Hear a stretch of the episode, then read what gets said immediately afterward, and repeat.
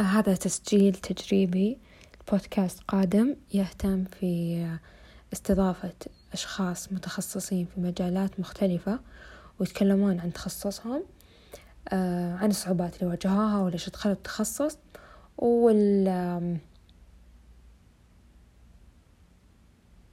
والفرص الوظيفية لتخصصهم. شكرا.